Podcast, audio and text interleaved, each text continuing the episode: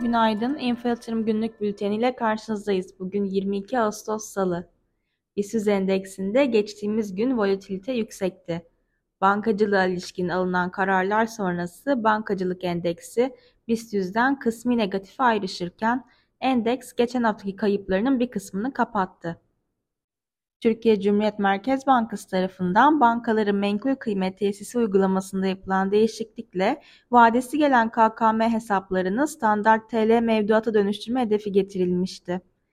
Bu düzenlemeyle enflasyon altında kalan faiz ve düşen banka mevduat faizleri sebebiyle popülerliği artan KKM hacminin aşağı çekilmesinin hedeflendiğini düşünüyoruz. Seçimler sonrası yeni ekonomi yönetiminin rasyonelleşme yönünde attığı adımlarla ve sadeleşme söylemleri ardından yapılan bu hamlenin Türkiye'nin son dönemde artan döviz rezervleri, gerileyen risk primi, yabancı yatırımcı girişleri gibi olumlu haber akışı ve gelişmelerin aksine kısa vadeli olumsuz etki yaratmasını beklemekteyiz. Bu düzenlemenin bankacılık sektör karlılığını baskılayabileceğini düşünüyoruz.